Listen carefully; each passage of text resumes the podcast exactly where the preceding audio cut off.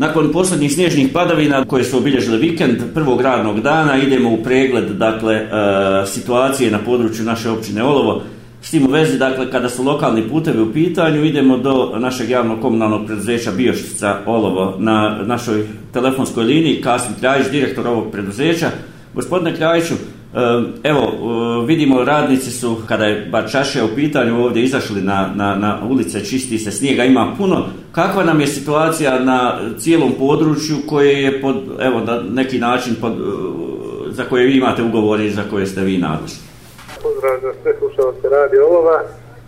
Što se tiče situacije same na terenu, kao što ste mogli vidjeti već i subotu i nedlju, snijeg uveliko pada i, i vikend smo proveli na čišćenju snijega. Kao što vidite i jutros, svi radnici i sva raspoloživa sredstva su na terenu, čašija se čisti, već imamo čiste i trotoare i, i samu testu. E, dionice koje održava javno komunalno prezidenče su već ključe očišćene, danas se ide ponovo na proširivanje puteva i postupanje, tako da, da putevi koje mi održavamo su bili prohodni u svakom momentu. E, to su dionice prema Mustićima, Kruševu, Ajdinovićima, Prgoševu i Burdićima.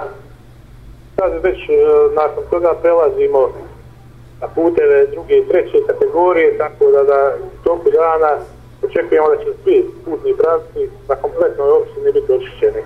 Što se tiče dionica koji čisti civilna zašta, upoznatan istim da su oni u najvećoj mjeri čisti i danas također slijedi probijanje puteva prema Klisu i ovim rubnim padinskim područjima naše općine koji su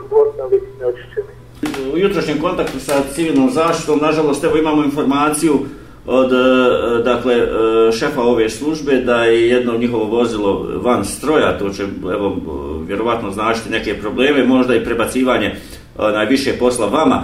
Juče je se desilo da, da, da je pokušaju da se blokira put prema Magovicu i došlo je došlo je do para na, na vozilu civilne zaštite, ali s obzirom da mi kontiniramo zajedničkim snagama slučaju potrebe prebačat se vozila komunalnog predveća na te dionice.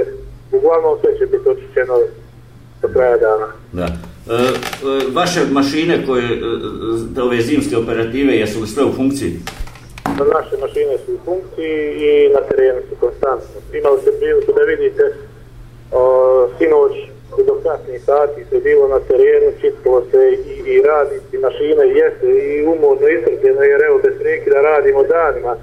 Znači, više nema ni, ni radnog vremena, ni, ni, ni bilo šta radite od jutra do mraka i vjerujte, jeste, smo malo i umorni i istrpljeni, ali uspjevamo susti za sve ovo. E, dakle, u zaključku ovog razgovora, gospodine Krajiću, možemo kazati e, ovim ljudima, dakle, koji su E, nalaze na, na ovim dionicama koje su, kako ste ih vi nazvali, druge i treće kategorije, da evo malo, malo strpljenja i u toku dana ili eventualno sutra i ove dionice, dakle, govorimo o seoskim putevima, bit će očišćen.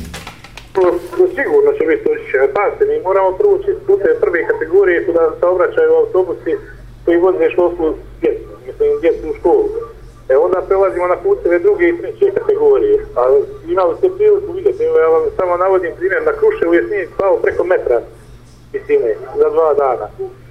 I, i vjerujte, e, dionice koje smo čestili za neki sat, sat i pol vremena, juče smo probijali 5 sati.